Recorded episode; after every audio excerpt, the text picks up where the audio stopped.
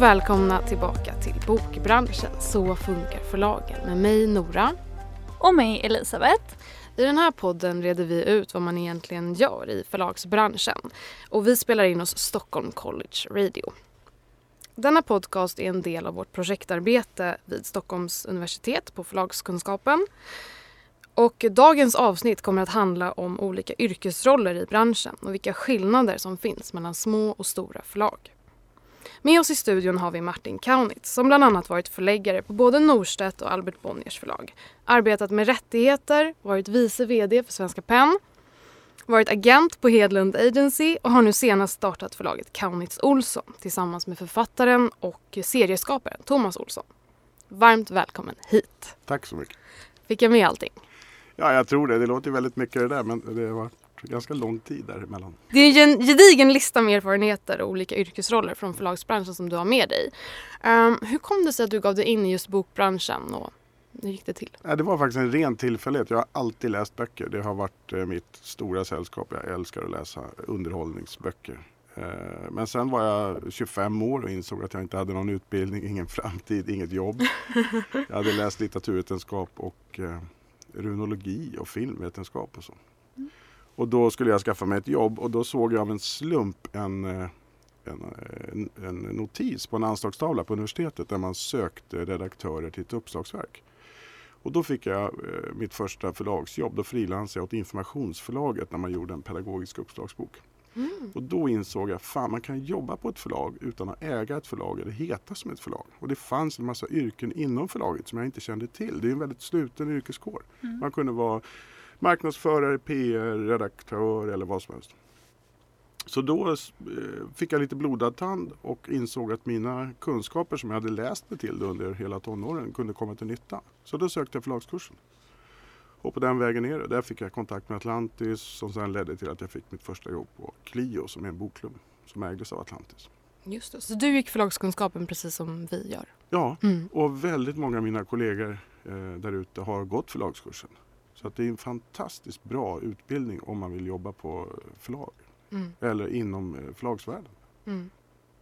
Ja. Roligt, det instämmer vi Ja, eh, den här långa listan vi presenterade med dina erfarenheter innehöll ju bland annat då rollen som förläggare.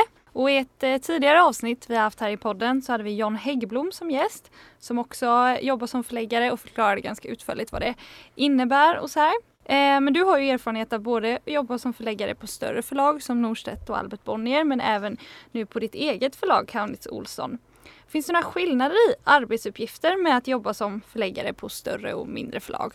Alltså det finns ju en enorm skillnad och det är mm. ju att hittills i alla fall tagit det så har vi inga mellanchefer på Kaunitz Olsson. Mm.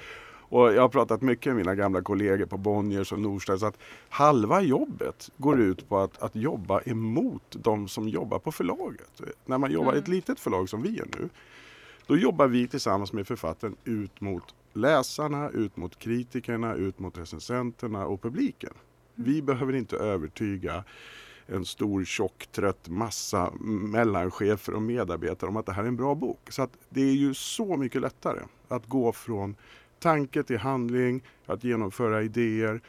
Och, och, det är klart att ett litet förlag har inte samma ekonomiska resurser. Men mm. idag så har ju den digitala utvecklingen möjliggjort att, att eh, det, är, det är inga stora skalfördelar med att vara ett stort förlag mm. Tvärtom kan man göra saker och ting mycket billigare. Och det jag lärde mig när jag jobbade i Penn, det är det som Thomas och jag nu försöker genomföra på Kaunitz Olsson. Att hela tiden ha fler idéer än kronor. Så länge vi har fler idéer som vi vill göra än en massa pengar som vi är rädda för att förlora så kommer det nog gå bra för oss. Ja, wow. Härligt, inspirerande tycker jag. Famous last words. Ja, ja eller hur? ja, men det är faktiskt viktigt. Det är ja. Väldigt mycket av arbetet på stort förlag handlar om att hantera kedjor av, av eh, olika medarbetare som ska få rätt information i mm. rätt tid. Och folk kommer och säger saker som need to know och nice to know och det här får du inte vara med mm. på, nu ska du lämna vidare. Och har man då fått ett förtroende från en författare som kanske har jobbat i nio år med mm. ett manus.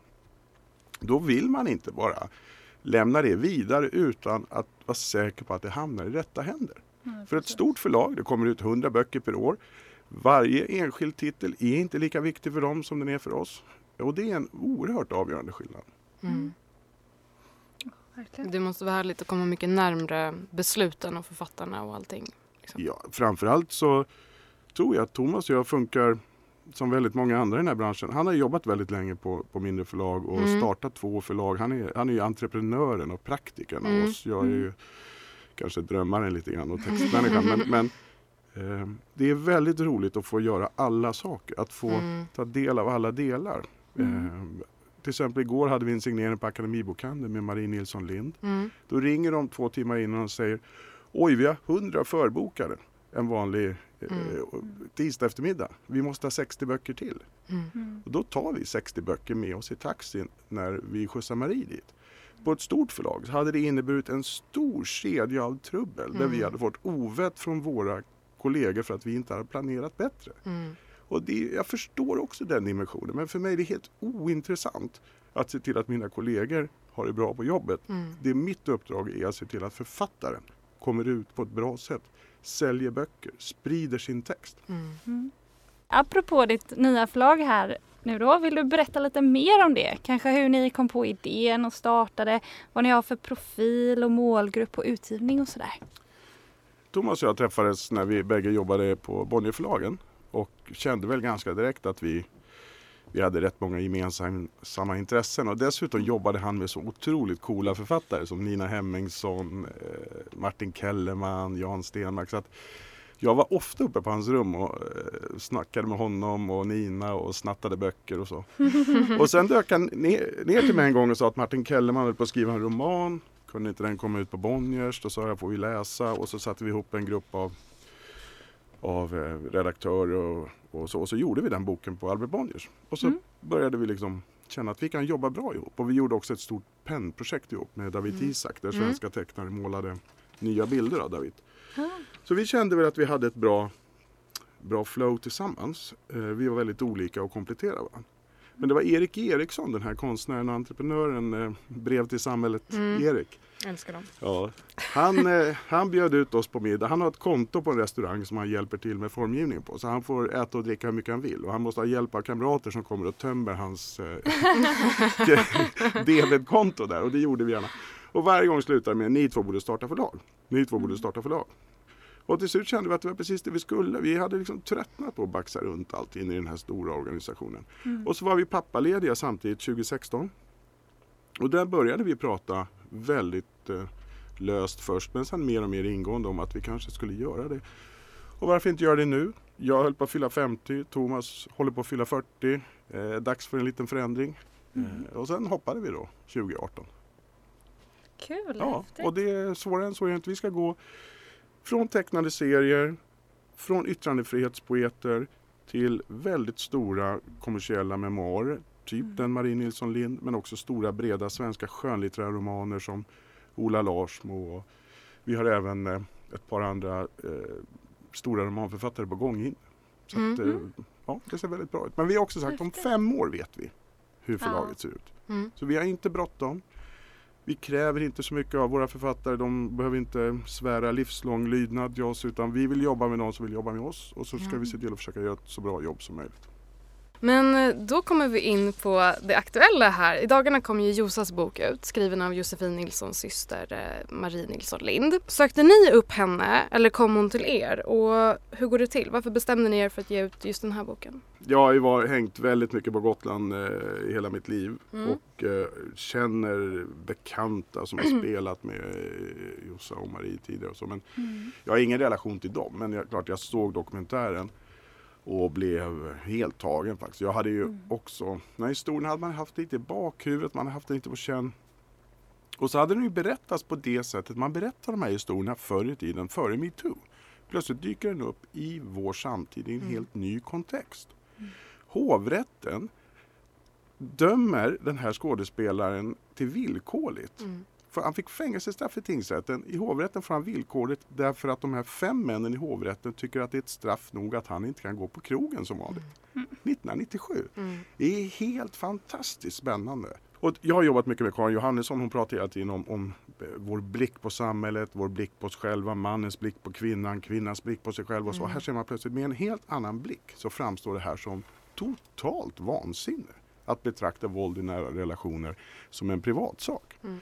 Och du var väl lite full då när du fick stryk. I alla fall, så att jag blev väldigt tagen. Sen ringde Anna-Karin Pil faktiskt. Och det är så med många, många av de eh, eh, böcker man, man ger ut. Så, så finns det plötsligt ett sammanhang där man får nys om någonting. Mm. Och så tänker man det där är väl redan påskrivet och klart. Det där finns väl ett kontrakt. Men ofta gör det inte det. Nej. Och Anna-Karin Pil som gjorde, producenten som gjorde dokumentären.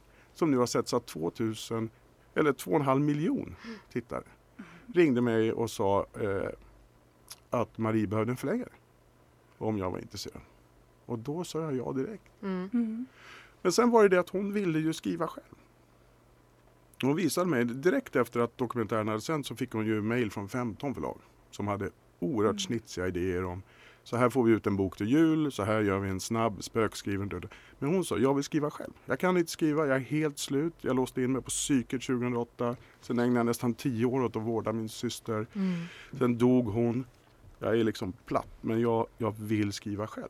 Mm. Och då sa ju vi, det vi har, Kaunitz Olsson, det är ju tid. Mm. Vi har Ja. tid och vår, vår uppmärksamhet. Och man behöver inte pengar i det här läget. Du behöver inte något fancy schman. Det enda du behöver är lyssna, ta in text, reagera på den, redigera, reagera, redigera, läsa och så. Så att eh, det gillade hon, det Mm. arbetssättet. Och det är så vi har gjort. Så var det liksom match made in heaven. Ni hade Ja. tid. Men i Mm. princip är det så. Någon ringde Mm. mig och sa, vill ni göra den här boken? Ja. Då säger man ja. Ja. Och jag vet ett par gånger när jag har sagt nej. Därför Mm. att jag har tänkt för mycket. Jag har Mm. tänkt, det där är vi gjort och det där, vem är intresserad av det där och det där. Så, fan, jag ska alltid sätta sig ner och säga, jag är beredd att lyssna. Mm. Mm. Och höra vad den personen har att säga när de har sagt den här sales pitchen. Mm. Vad handlar boken om? Men när de kommer ner till det som egentligen är kärnan i budskapet. Mm. Då kanske det är intressant. Mm. Precis. Ja, vi är många som är nyfikna på den här boken verkligen. Verkligen ja. Eh, några välkända författare som du tidigare varit förläggare för är ju norska Åsne Seierstad, eh, Karin Boys, Ola Larsmo. Ehm, och det rör sig främst om sakprosa. Eh, har det blivit lite av din specialitet just med fack eller sakprosa? Och vad är det som är så roligt med det om du jämför med skönlitteratur? Ja, men det är helt enkelt eh, nödvändighetens lag. När jag började så, så hette det, alltså när jag började på förlagskursen 95 och när jag började frilansa och fram till jag blev förläggare 2001 då, så, så hette det man får inte jobba med skönlitteratur när man är ung och när man är grön och, och det finns långa relationer. Alla författare har sina förläggare, alla författare har sina redaktörer och i debutantgruppen sitter det förläggare och vaktar över de inkommande manus. Så det fanns inga skönlitterära manus att jobba med. Men en annan sak, att samtidigt så blev det lite hett med facklitteratur. När jag började runt 2000 så fanns det inga svenska facklitterära författare. Det är ganska konstigt att tänka. Men det fanns också en tid när det inte spelades, när man var tvungen att införa en regel i P3 om att varannan låt skulle vara på svenska. Det är på 90-talet. Lite så var det. Vi ville hitta svenska författare som skrev om, om de ämnen som, som engagerade, inte bara utländska. Eh, Och då började jag lite grann, lite småfuskigt egentligen. När jag fick in ett manus från Mustafa Jan eller från Dilshad Demirbag-Sten. Så istället för att stämpla roman så stämplade vi facklitteratur på det. Och då hände det någonting med dem. Att man, man fick syn på dem på ett annat sätt. Eva Frankes väninnan om eh, Anna Lind och efterspelet till mordet på henne. Det är också en bok som lika gärna skulle kunna heta ett roman. Hanna Hellquist, Karlstad zoologiska. Man kan räkna upp många sådana. Och Katrin Mm. Morans eh, Konsten att vara kvinna, den, den satte vi också på facklistan. Mm. Och det, det, så att jag har hela tiden egentligen jobbat med böcker och det är där jag gillar egentligen att vara. I, i, som ligger precis i skärningspunkten mellan skönlitteratur och facklitteratur. Min stora favorit när jag var tonåring var ju Axel Sandemose. Han skriver ju långa kärleksromaner där det finns insprängda essäer om sakernas tillstånd. Mm. Det är egentligen min, min eh, idealtext. Ja, jag tänker nu ser vi verkligen mycket så här, hybrider, saker som kan anses vara lite... Ja, men Ålen är Själv- ett perfekt exempel. Ja, Där man tar den här med pratar, havsboken av, av Ströksnäs kombinerat med en bok som gjorde stor succé utomlands Mm. och inte i Sverige som heter Age is for Hawk. Som handlar Mm. om, och man, där ser man, det är så en perfekt fackbok idag är komponerad. mm. Mm. Jag tänker å andra sidan, för jag um, gillar mycket dansk litteratur så jag brukar köpa liksom, böcker när jag är där. Då i somras så köpte jag, vad heter hon, Leonora Kristina Skovs eh, den, den som lever stilla Mm. på danska. Den har getts ut på Polaris nu på svenska och den är ju märkt som en roman men Mm. det är ju hennes liv liksom så där har vi också någonting som kanske skulle gå under fack men som Ja, då skulle jag säga ta bort ordet roman. roman. så, Mm. varför väljer författare eller förläggare, vem det nu är, att trycka roman på? När det Det där, jag brukar prata med, eller Ola Larsmo brukar prata mycket med mig Ja. om det här, att romanen har på något lite olyckligt sätt hamnat i skuggan och betraktas som lite irrelevant, att den inte kon- eh, kommenterar samtiden. Men Mm. egentligen är det tvärtom. Romanen är ju en helt omöjlig form. Den är helt öppen, den kan handla om vad som helst, den kan berätta om vad som helst på vilket sätt som helst. Det är faktiskt så att en romanförfattare tar sig rätten att skriva jag utan att mena det. Jag tror det är Åseberg som har sagt det, eller hon har tagit det någonstans från. För mig är det helt, en roman innebär rätten att få skriva jag utan att mena det. Så att man kan vara indianhövding, man kan vara svart flicka i slummen, Mm. man kan vara vad som helst. Man kan gå in. Jag tycker att det är viktigt att vi prövar alla sätt. Ja, vi prövar alla sätt att eh, försöka förstå verkligheten, försöka gestalta erfarenheten och komma närmare. Eh, så att jag tror, efter den här enorma fackboksvågen som går nu, Mm. att det är ju öppet mål. Det är givet att romanen kommer komma tillbaka Mm. starkare, mer livskraftig och mer spännande. Post Knausgård och post allting annat.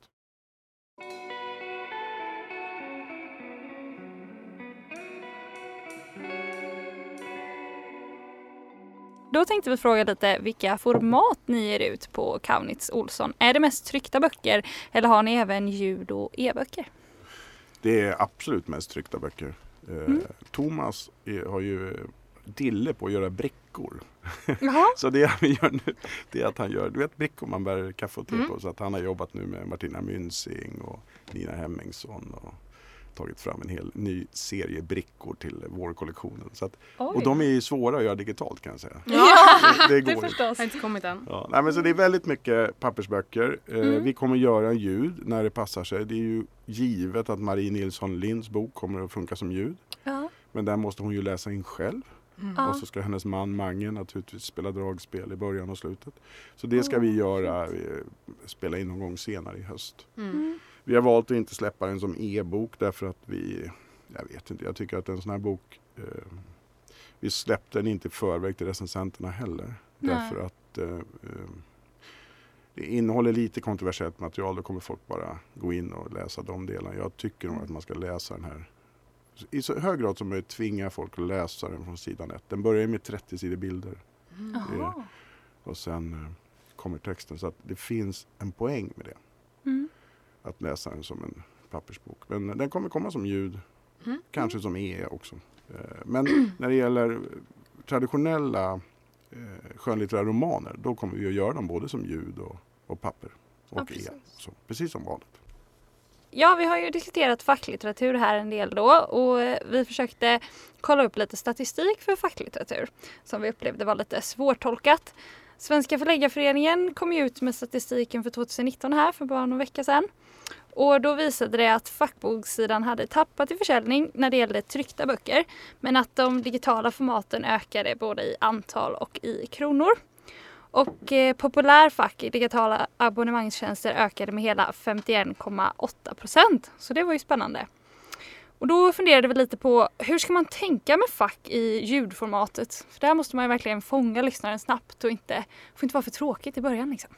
Men det, problemet med fack är ju kategorin att det ryms ju både mat och kokböcker och träningsböcker och den här typen av eh, sakprosa jag pratade om tidigare som är nästan som romaner fast eller de har ett skönlitterärt berättande. Och, och så. Ja. så att, om man delar upp det lite grann kan man säga att eh, eh, när det gäller träningsböcker och kokböcker och så, så jag vet inte, de har väl redan lidit så himla mycket av, av eh, alla appar och, och Ja, nätet mm. och så. Eh, så jag har svårt att uttala mig om det.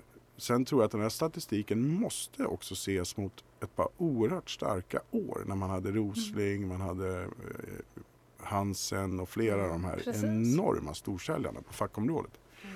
Som gör att även en nedgång eh, kanske, inte, kanske är jämfört med två, tre år tillbaka en, eh, en ganska stabil siffra. Ja, absolut. Men jag tror när det gäller stora, tunga, komplicerade berättande fackböcker då, Mm. då är vi lite inne på att man ska jobba med, med man kortar ner dem, gör dem till essäer, man gör som man tänker ungefär lite som singlar. Att Mm. man, man kan göra en 30 minuters version och lägga ut.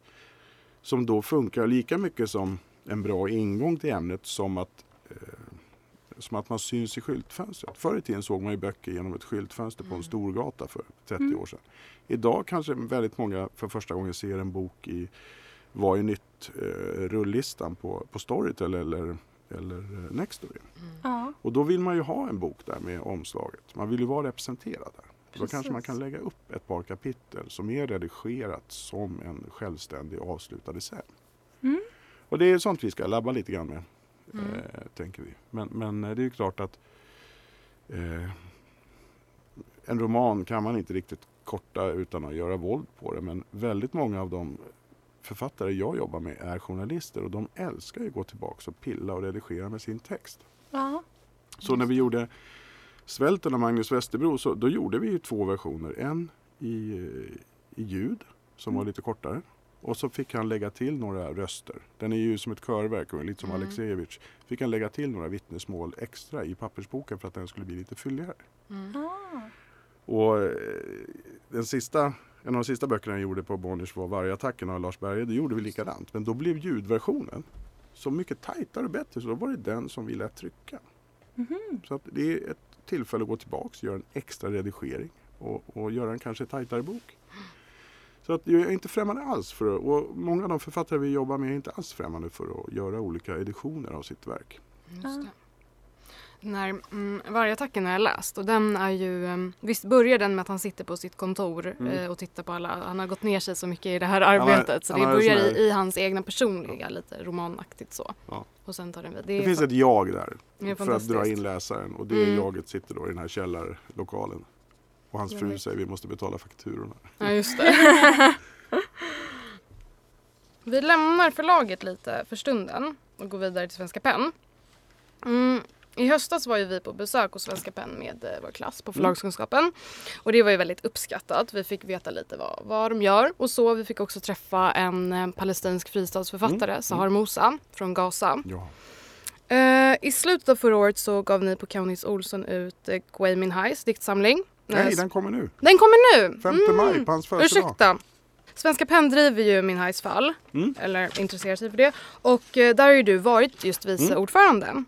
Var det så du kom i kontakt med honom och hans eh, förläggarskap och numera Nej. författarskap? Nej. Eller vill du berätta? Ja, det var så jag kom i kontakt med, fick höra om hans fall och Mm. vi följer vi har ju en, en lista på ett litet antal särskilt alarmerande fall Mm. som eh, en liten pengklubb kan ju inte åta sig varenda fängslad författare. Man Nej. får välja ut några och så, så ser man de som inte får så mycket attention från andra center kan man ta sig an eller de som man har en speciell relation till. Eftersom man är svensk medborgare så var det naturligt att Svenska PEN tog sig an honom. Ja. Eh, Så jag kände till det fallet. Men det var också så att hans dotter Angela Guay kontaktade oss och sa vill ni ge ut eh, hans dikter på svenska?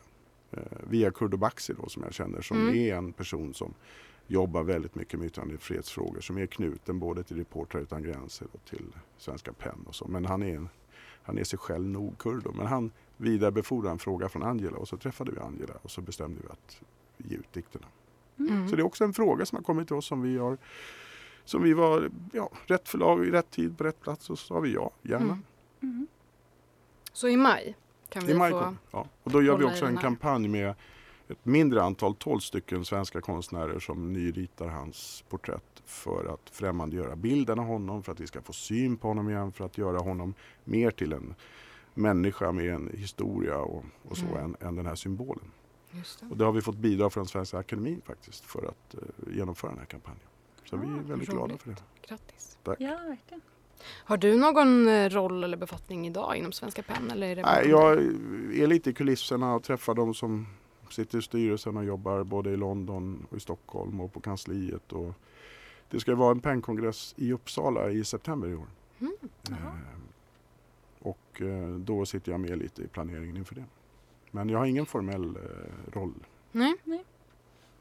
Tack. Och det är också viktigt ska jag säga att det är vimlar av förläggare och förlagsmänniskor i PEN. Men det är otroligt viktigt att man kan skilja på det där att man inte sitter och är på jobbet när man jobbar med PEN.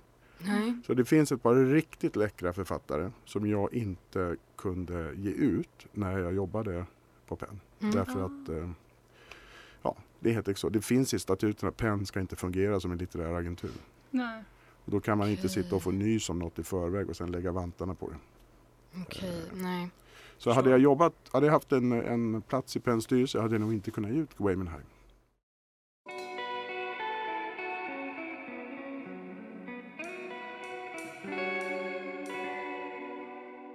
Hur skiljer sig egentligen förläggaryrket från agentyrket och vad gör eh, egentligen en agent för alla lyssnare som inte vet det? Verkligen. Ja, det där är ju en jätteknepig fråga därför att i vissa fall så håller gränserna på eh, att suddas ut mellan förlag och agentur.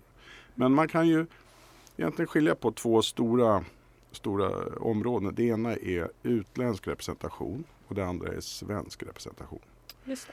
Och den klassiska svenska litterära agenten det är ju en person som förmedlar eh, licenser att översätta och ge ut svenska verk på andra språk i andra länder. Mm. Eller att eh, transformera en, en roman till en teaterscen eller till en filmduk och så. Mm. Men de sista tio åren så har ju med, med på allvar den svenska representationen slagit igenom. Att det finns agenturer nu som säljer svenska manus till svenska förlag. Mm. Och eh, Hedlund Agency är en hybridagentur som, som många andra eh, som jobbar dels med utländsk representation, dels förvaltar dödsbon eller vad ska man säga, estates som Stig Larssons Mm. Millennium och eh, Ingmar Bergman och så.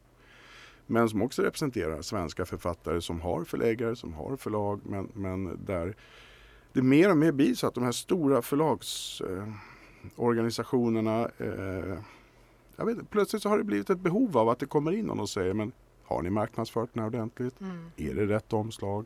När ska den här boken komma ut? Vad är bäst för boken? Vad, jag struntar i vad som är bäst för er lista Mm. internt på förlaget utan vad är bäst för författaren? Det kan man säga är en ganska olycklig utveckling men, men ganska nödvändig utveckling så som eh, förlagen har utvecklats.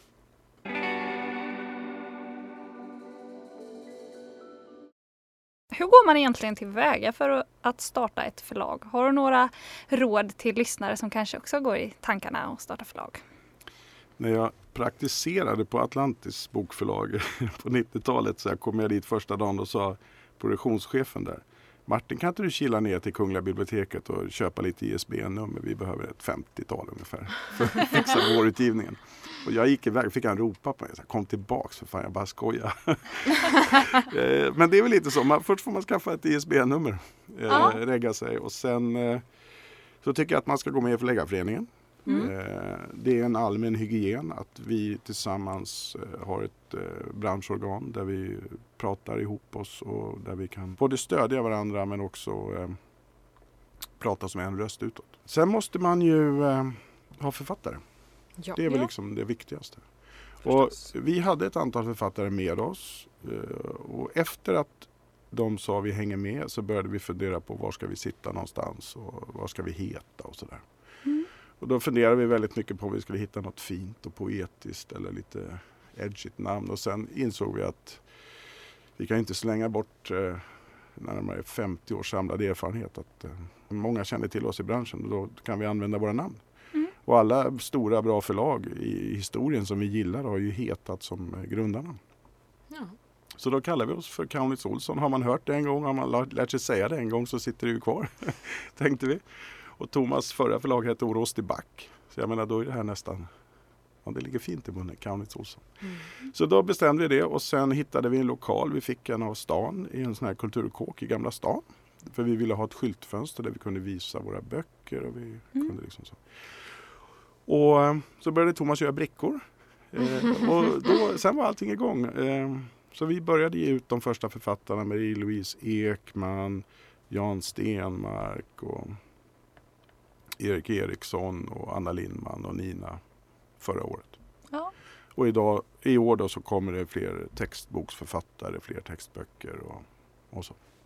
Så att vi samlade helt enkelt. Vi hade två stora middagar hemma hos Thomas. Han har en jättebra lägenhet. Eh, där vi samlade kanske 25-30 författare som Mm. vi gillar. Och de kände ju inte varann men det uppstod en massa roliga möten. Och, Och, ehm, och så tänkte jag det här är förlaget.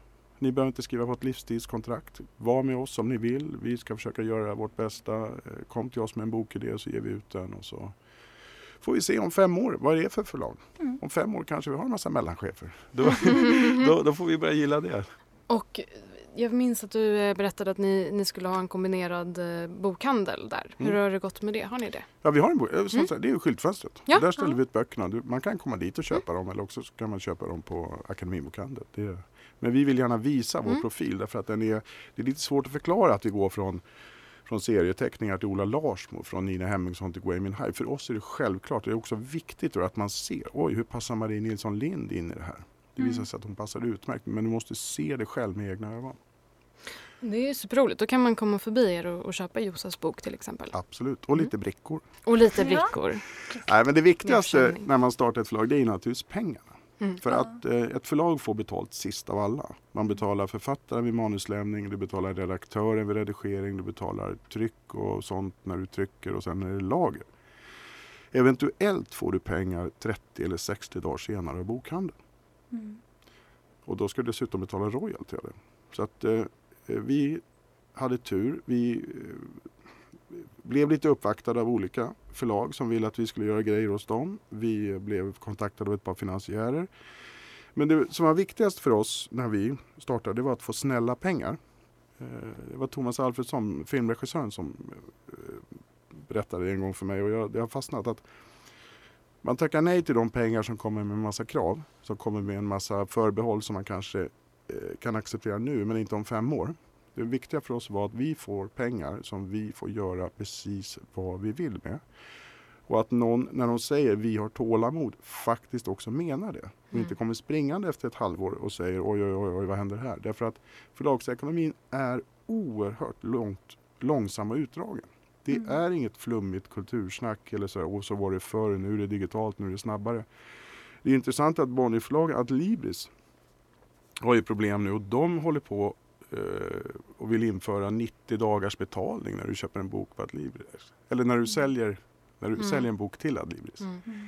Men det är inte så att Adlibris ger sina kunder 90 dagar Nej, via Klarna. nej. Utan alla har lite panik nu och vill ha så långa utdragna betalningstider som möjligt. Så mycket pengar på sitt konto som möjligt. Så det är bara en sund förlagsekonomi. Mm. Men det är viktigt att förstå det.